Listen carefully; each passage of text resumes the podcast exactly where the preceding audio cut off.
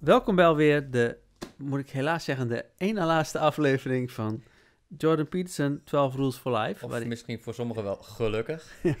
nou, dat valt te betwijfelen. Maar de, ehm, de 12 Rules for Life. En vandaag gaan we het hebben over regel 9 en 10. Ja. Hoe wij het interpreteren. Dus niet, we, doen geen uitleg van het boek, nogmaals. Maar we Nee. geven content aan hoe wij die regels zien. En hè, voor degene die de vorige aflevering eh, heeft gemist of nog graag nog een keer wil bekijken, hierboven ergens een linkje. Kun je de vorige aflevering nog even kijken en daar hebben we het over regel 7 en 8. Ja, en zo zijn alle regels wel aan de beurt geweest. Ja. Maar vandaag, regel 10. Ik pak even de Nederlandse vertaling, hoewel ik, eh, zoals jullie iedereen weet, in het Engels heb gelezen. Omdat ik niet wist dat er een Nederlandse vertaling is. En ook weer, ik heb net weer nog een keer gehoord dat de Nederlandse vertaling eigenlijk niet zo goed is. Dus Nee. ik ben blij dat ik dat in het Engels heb gelezen. Maar laten we regel 9 erbij pakken.